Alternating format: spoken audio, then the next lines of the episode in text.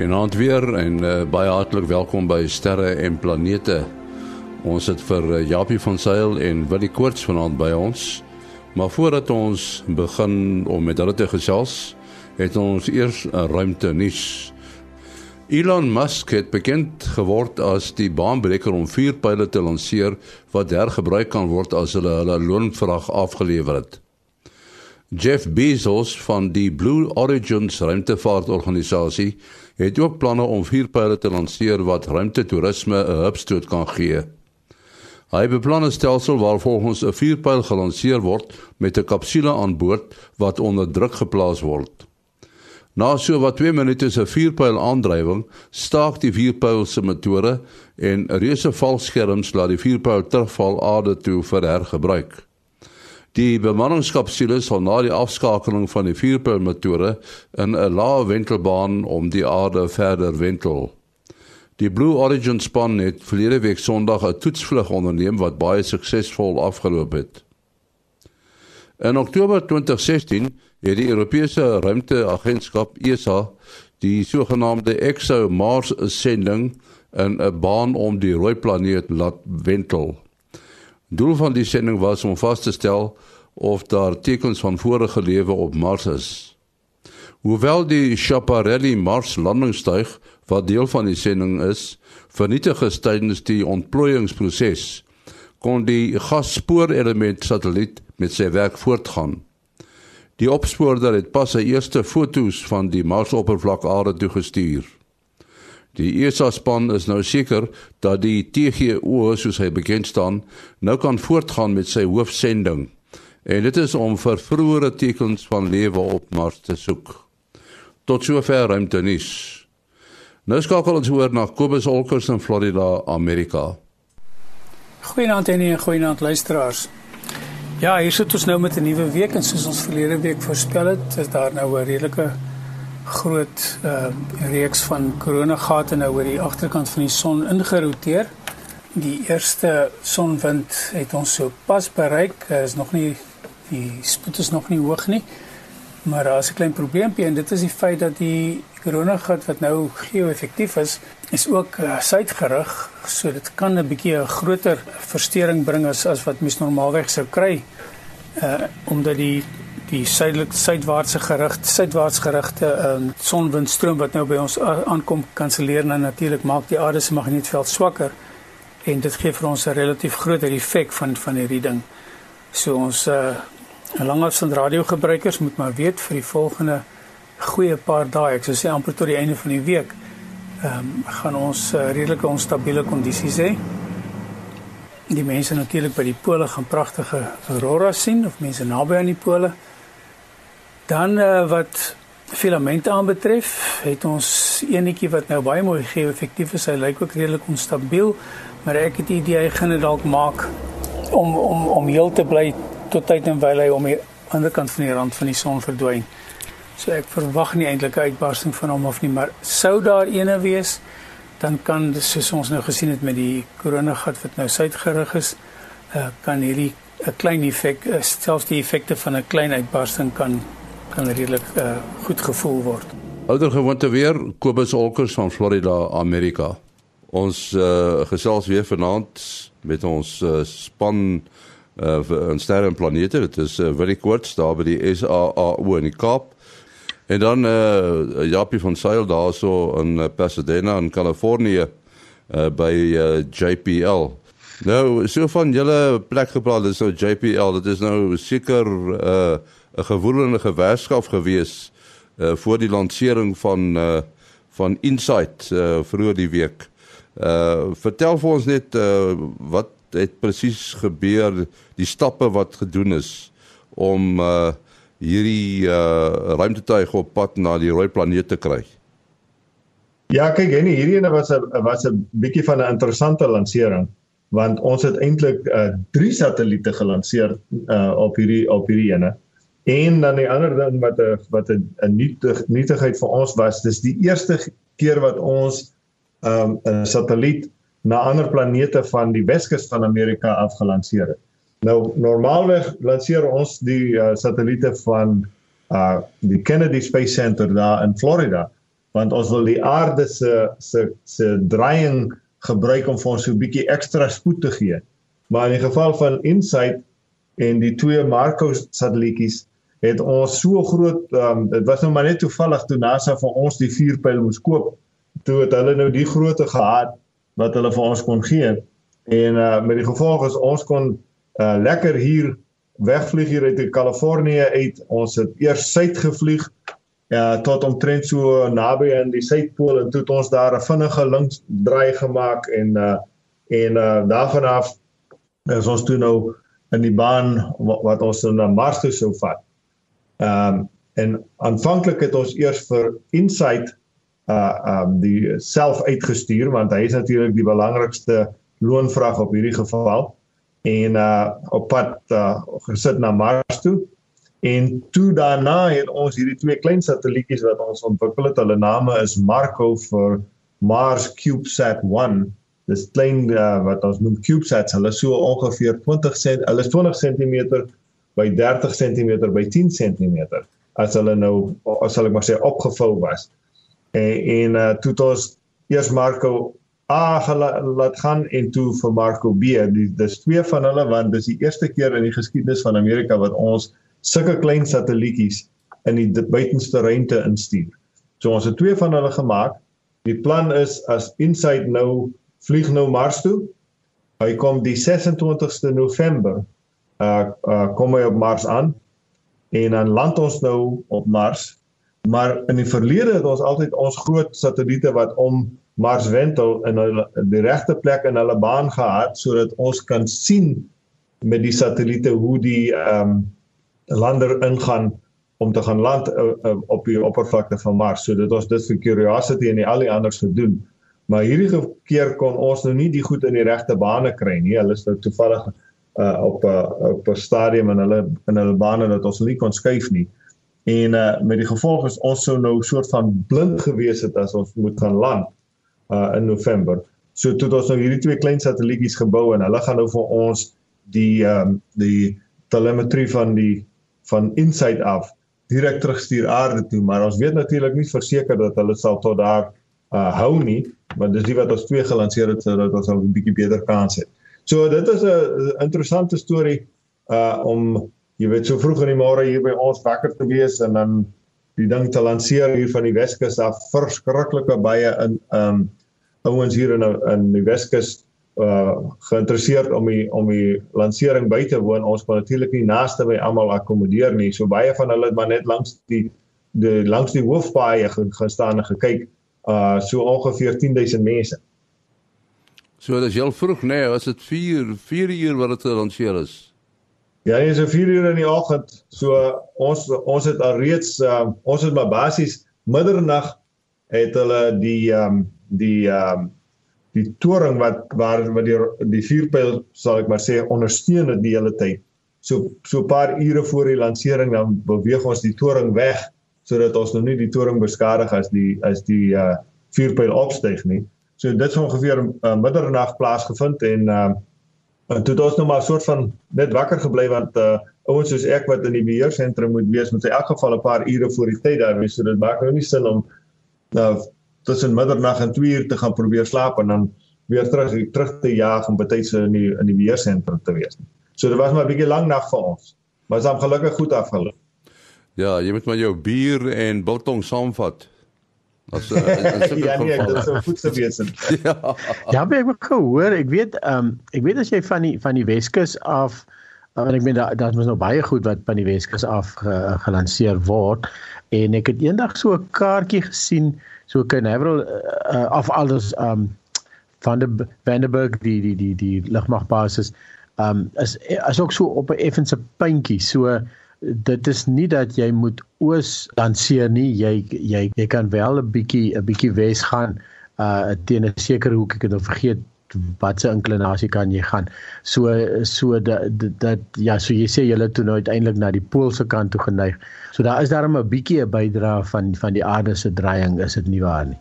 Ja dit is so klein bietjie nou die die die uh Vandenberg word normaalweg gebruik om die satelliete wat om die aarde wentel in uh, hulle sogenaamde uh sun synchronous uh bane wat wat beteken jy moet hulle teen 'n inklinasie van so uh 98 grade. So dis dis uh jy stuur hulle noordoos sorry uh, uh, uh noordwes of suidwes afhangende of jy nou die opgaande of die afgaande wentelbaan gebruik. En so ons het basies dieselfde as daai die die suidweste baan gebruik vir vir insig. Wat vir my ja. interessant is, jy sê dat uh jy weet hy, hy loop op 'n sekere traject, maar dan dan draai jy die traject of jy swaai in 'n sekere rigting. Jy kan dit in midvlug doen. Ja, nee, kyk, hierdie ouens wat hierdie vuurpyle doen is baie goed met dit. Hulle ehm um, hulle noem ons ons noem dit 'n dog leg want dit lyk soos die agterbeen van 'n hond, jy weet, hy hy vlieg en dan maak hy amper 'n 90 grade draai. Hulle is ongelooflik goed wat dit dan betref. Weg 'n bietjie van Insight, uh Grace is ook een van julle projekte, Grace Follow On. Uh vertel ons net 'n bietjie die die Grace satelliete is aardgebonde satelliete in die sin dat hulle die aarde dophou, né? Nee? Dis reg. Ehm um, die oorspronklike Grace hierdie een word Grace Follow On genoem, want die oorspronklike Grace satelliete is in uh 2002 as ek reg onthou gelanseer. Ehm um, dit was 'n die 'n eksperiment om te sien of ons wel die swaartekragveld van die aarde kan meet. En dit was ongelooflik suksesvol. Nou as jy dink eh, die swaartekrag uh, van die uh, veld van die aarde, hoekom moet ons dit nou so gereeld meet? Uh dis 'n dis nou nie 'n uh, normaalste dink 'n mens aan swaartekrag as 'n statiese uh, veld. Maar uh as jy mooi daaroor dink, goed soos water wat uh, rond beweeg op die oppervlakte van die aarde as gevolg van reën en vloede en so voort. Dit verskuif die ehm um, die hoeveelheid massa wat op die aarde is uh dinamies. En uh Grace was oorspronklik ontwikkel om te kon sien wanneer water in ondergrondse bronne ongeveer 'n sentimeter in in hulle vlak verander. Dan kan Grace was uh, sensitief genoeg om dit te kon optel.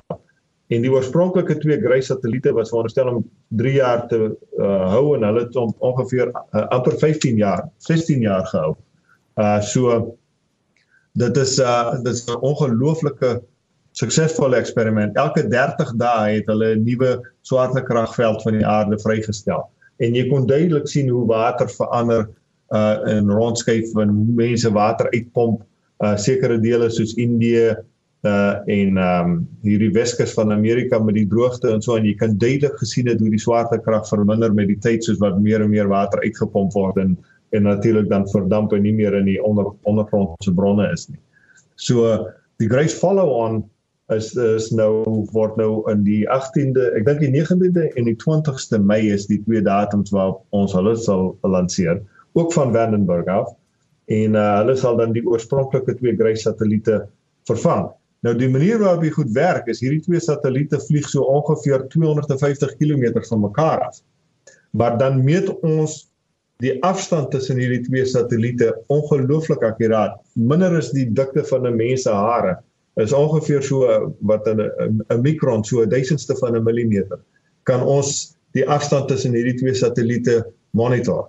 En as jy nou dink daaroor die satelliet wat voorvlieg, as hy naby 'n plek kom wat meer swaartekrag het, dan versnel hy so bietjie. So dan trek hy net so bietjie verder weg van die agterste een af.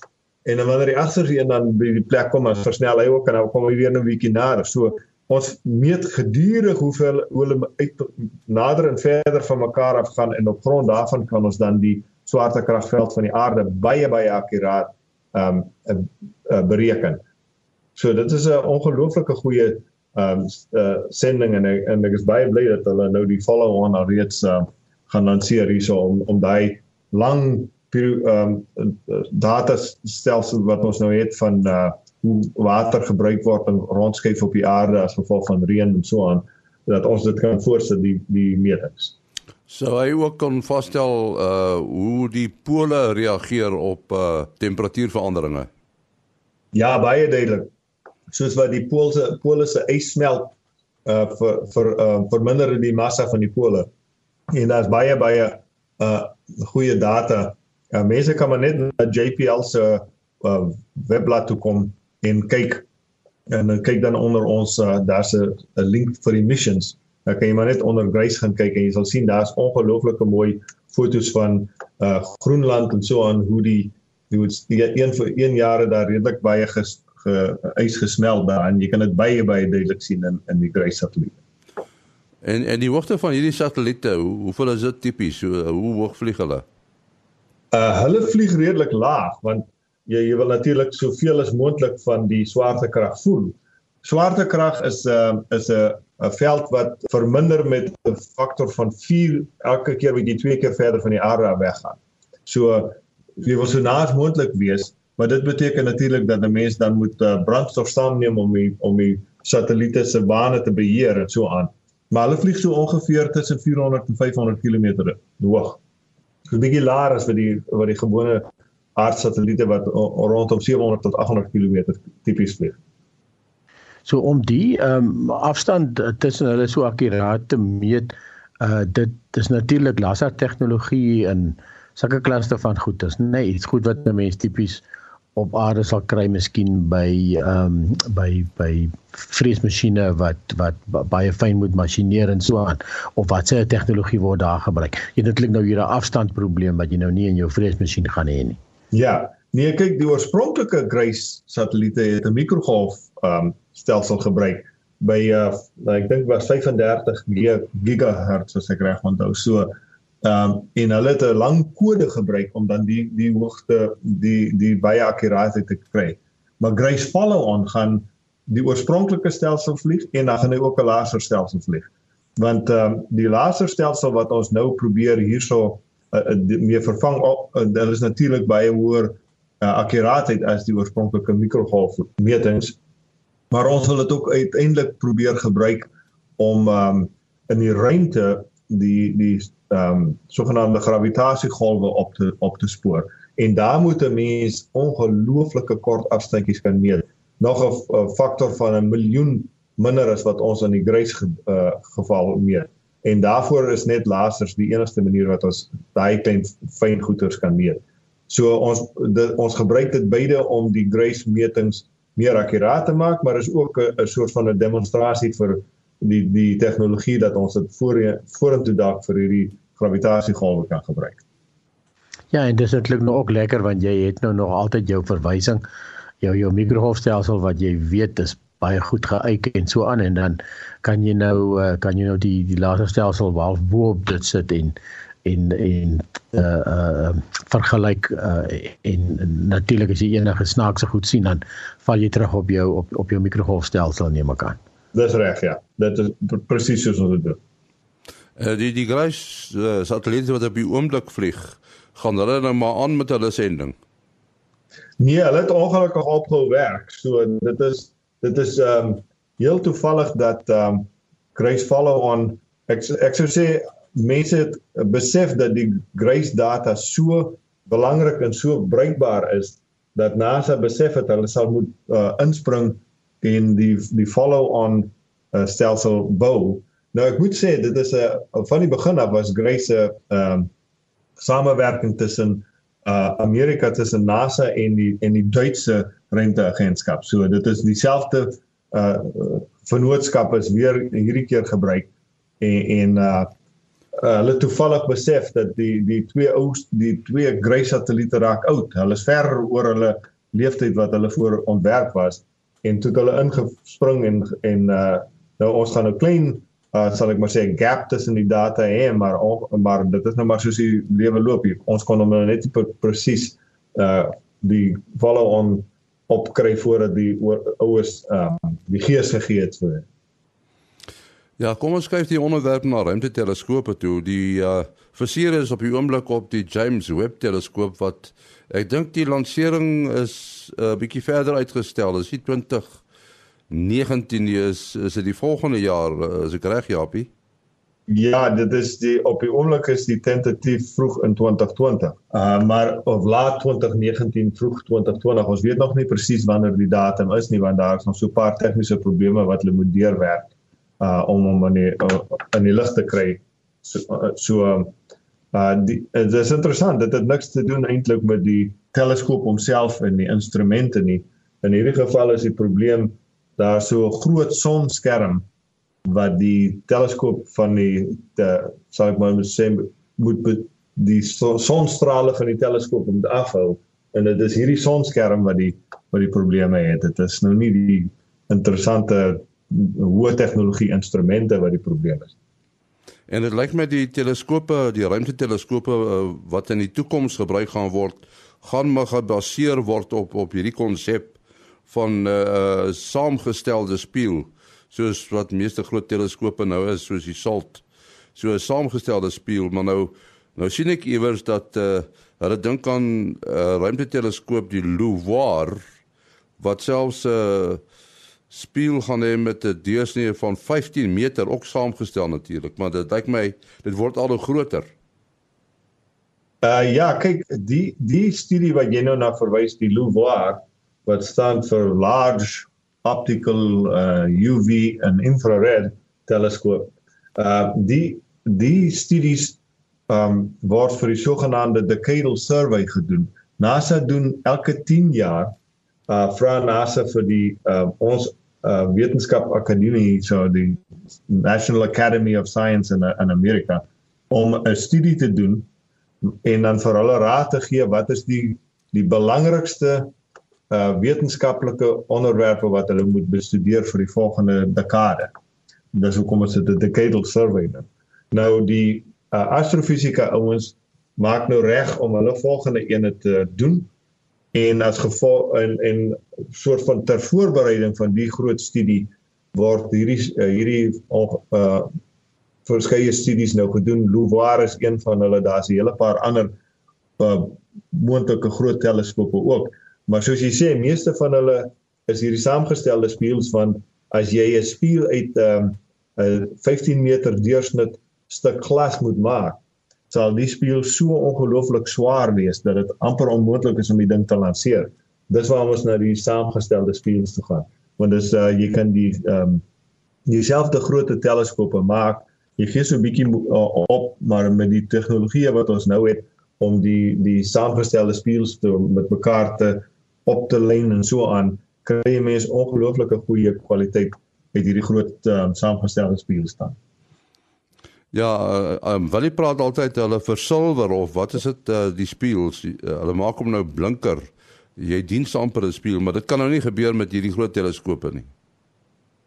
Ja, nee, ons doen dit. Elke individuele uh, spieël wat wat uh, die saamgestelde spieël op die oond uitmaak, Elkeen van hulle word deur die silwerproses afhangende van watter golflengtes jy gebruik, gebruik 'n mens uh, silwer of of ander materiale en hulle word almal met die goeders um, die die laagie oorgesit.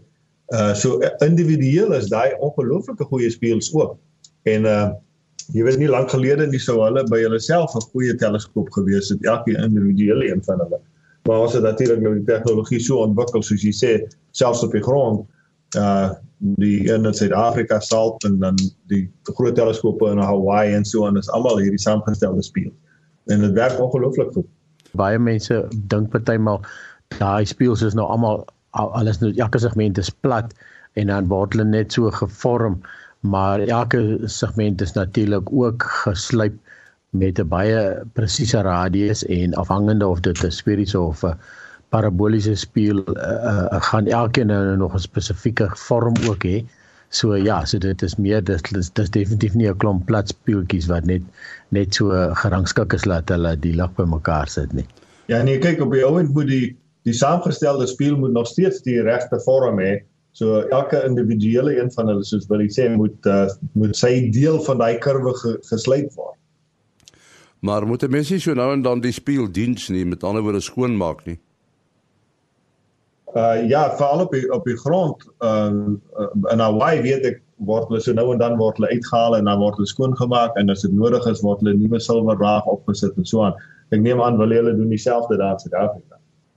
Ja, nee, dit is presies. Ja, gelukkig is dan natuurlik nou nie voels en uh vleermuise en goed wat op die speelsmors binne in die ruimte nie. So uh die enigste jy kry natuurlik seker mettertyd soos die Hubble se speel en so aan kry jy seker mettertyd dat die uh, weerkaatsing bietjie afgaan uh net as gevolg van van bestraling en so aan ja dis 'n interessante vraag Ja ek weet dat Hubble het nou daai deksel bo op wat hulle toe kan maak Maar dit is nou nie die geval met James Webb en die nuwer geslag teleskope nie. Jy kan nie hom toemaak nie of Ja nee, dit is heeltemal waar. Hulle is kyk uh, die Hubble het, het so 'n soort van 'n amper soos 'n buis, hulle noem dit 'n baffle om hom. En dan Kepler het dieselfde en wanneer jy hom lanseer, uh voor lansering hou ons hom toe sodat daar nou nie stofdeeltjies en sulke goeder op die spieëls moet beland en so voort nie. Maar hierdie James Webb en hy uh, teleskope is te groot en hulle moet uh as hulle gelanseer word, is hulle opgevou in elk geval en dan moet hulle op in die ruimte eers oopvou en so voort en dan kom die sekondêre spieëls uit en so voort. So dit is 'n baie moeiliker situasie en en uh, as gevolg daarvan het hulle nie die die klep vooraan sal ek maar sê wat jy oopmaak as jy eers in die ruimte kom. Ja, as ek reg onthou met sekere kyk uh, die die Hubble is natuurlik redelik na aan die aarde. Die verskil van hierdie James Webb en die goeders is baie baie verder van die aarde, so daar's geen uh, sprake van 'n atmosfeer nie waar Hubble natuurlik nou nog in 'n baie dun atmosfeer beweeg. En dan as ek reg onthou moet sekere tye met met verhoogde uh, meteor uh, storms en so aan wat die aarde dan nou deur sê die die die ster van 'n komeet beweeg die die die af rommel wat 'n komeet uh, is uh, agtergelaat het dan het ek al gehoor uh, maak hulle partymal hierdie hierdie hierdie shutter toe sodat om om om die spieël bietjie te beskerm Dis reg. Uh dit uh, dit ons doen dit gereeld en jy dry ook soveel as moontlik die teleskoop weg so van die ehm um, sal ek maar sê die rigting wat die wat die deeltjies vanaf kom en so voorts maar mense kan dit al ongelukkig nie altyd doen nie want jy moet altyd in ag neem waar die son is en en die soort van goed. Maar ons probeer alles om die oppervlakte wat dalk deur die deeltjies getref kan word so klein as moontlik te maak. En uh, en dan die Hubble teleskoop wat ook 'n saamgestelde teleskoop is, uh, kom van JPL of nee? Ja, die dis 'n studie wat ons nou lei, die die LUVOIR ene word deur die Goddard Space Flight Center gedoen.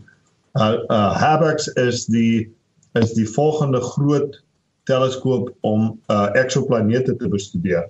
Nou hier wil ons nou veel meer doen as om net die planete op te spoor. Die, die hoop is om selfs dalk foto's te neem van die wat uh naby genoeg is en definitief hulle atmosfere te bestudeer en so voort. So uh, dit is die studie wat ons nou besig is om te lei hier in ons gaan. Maar hy is, hy is ook 'n saamgestelde teleskoop, dis reg.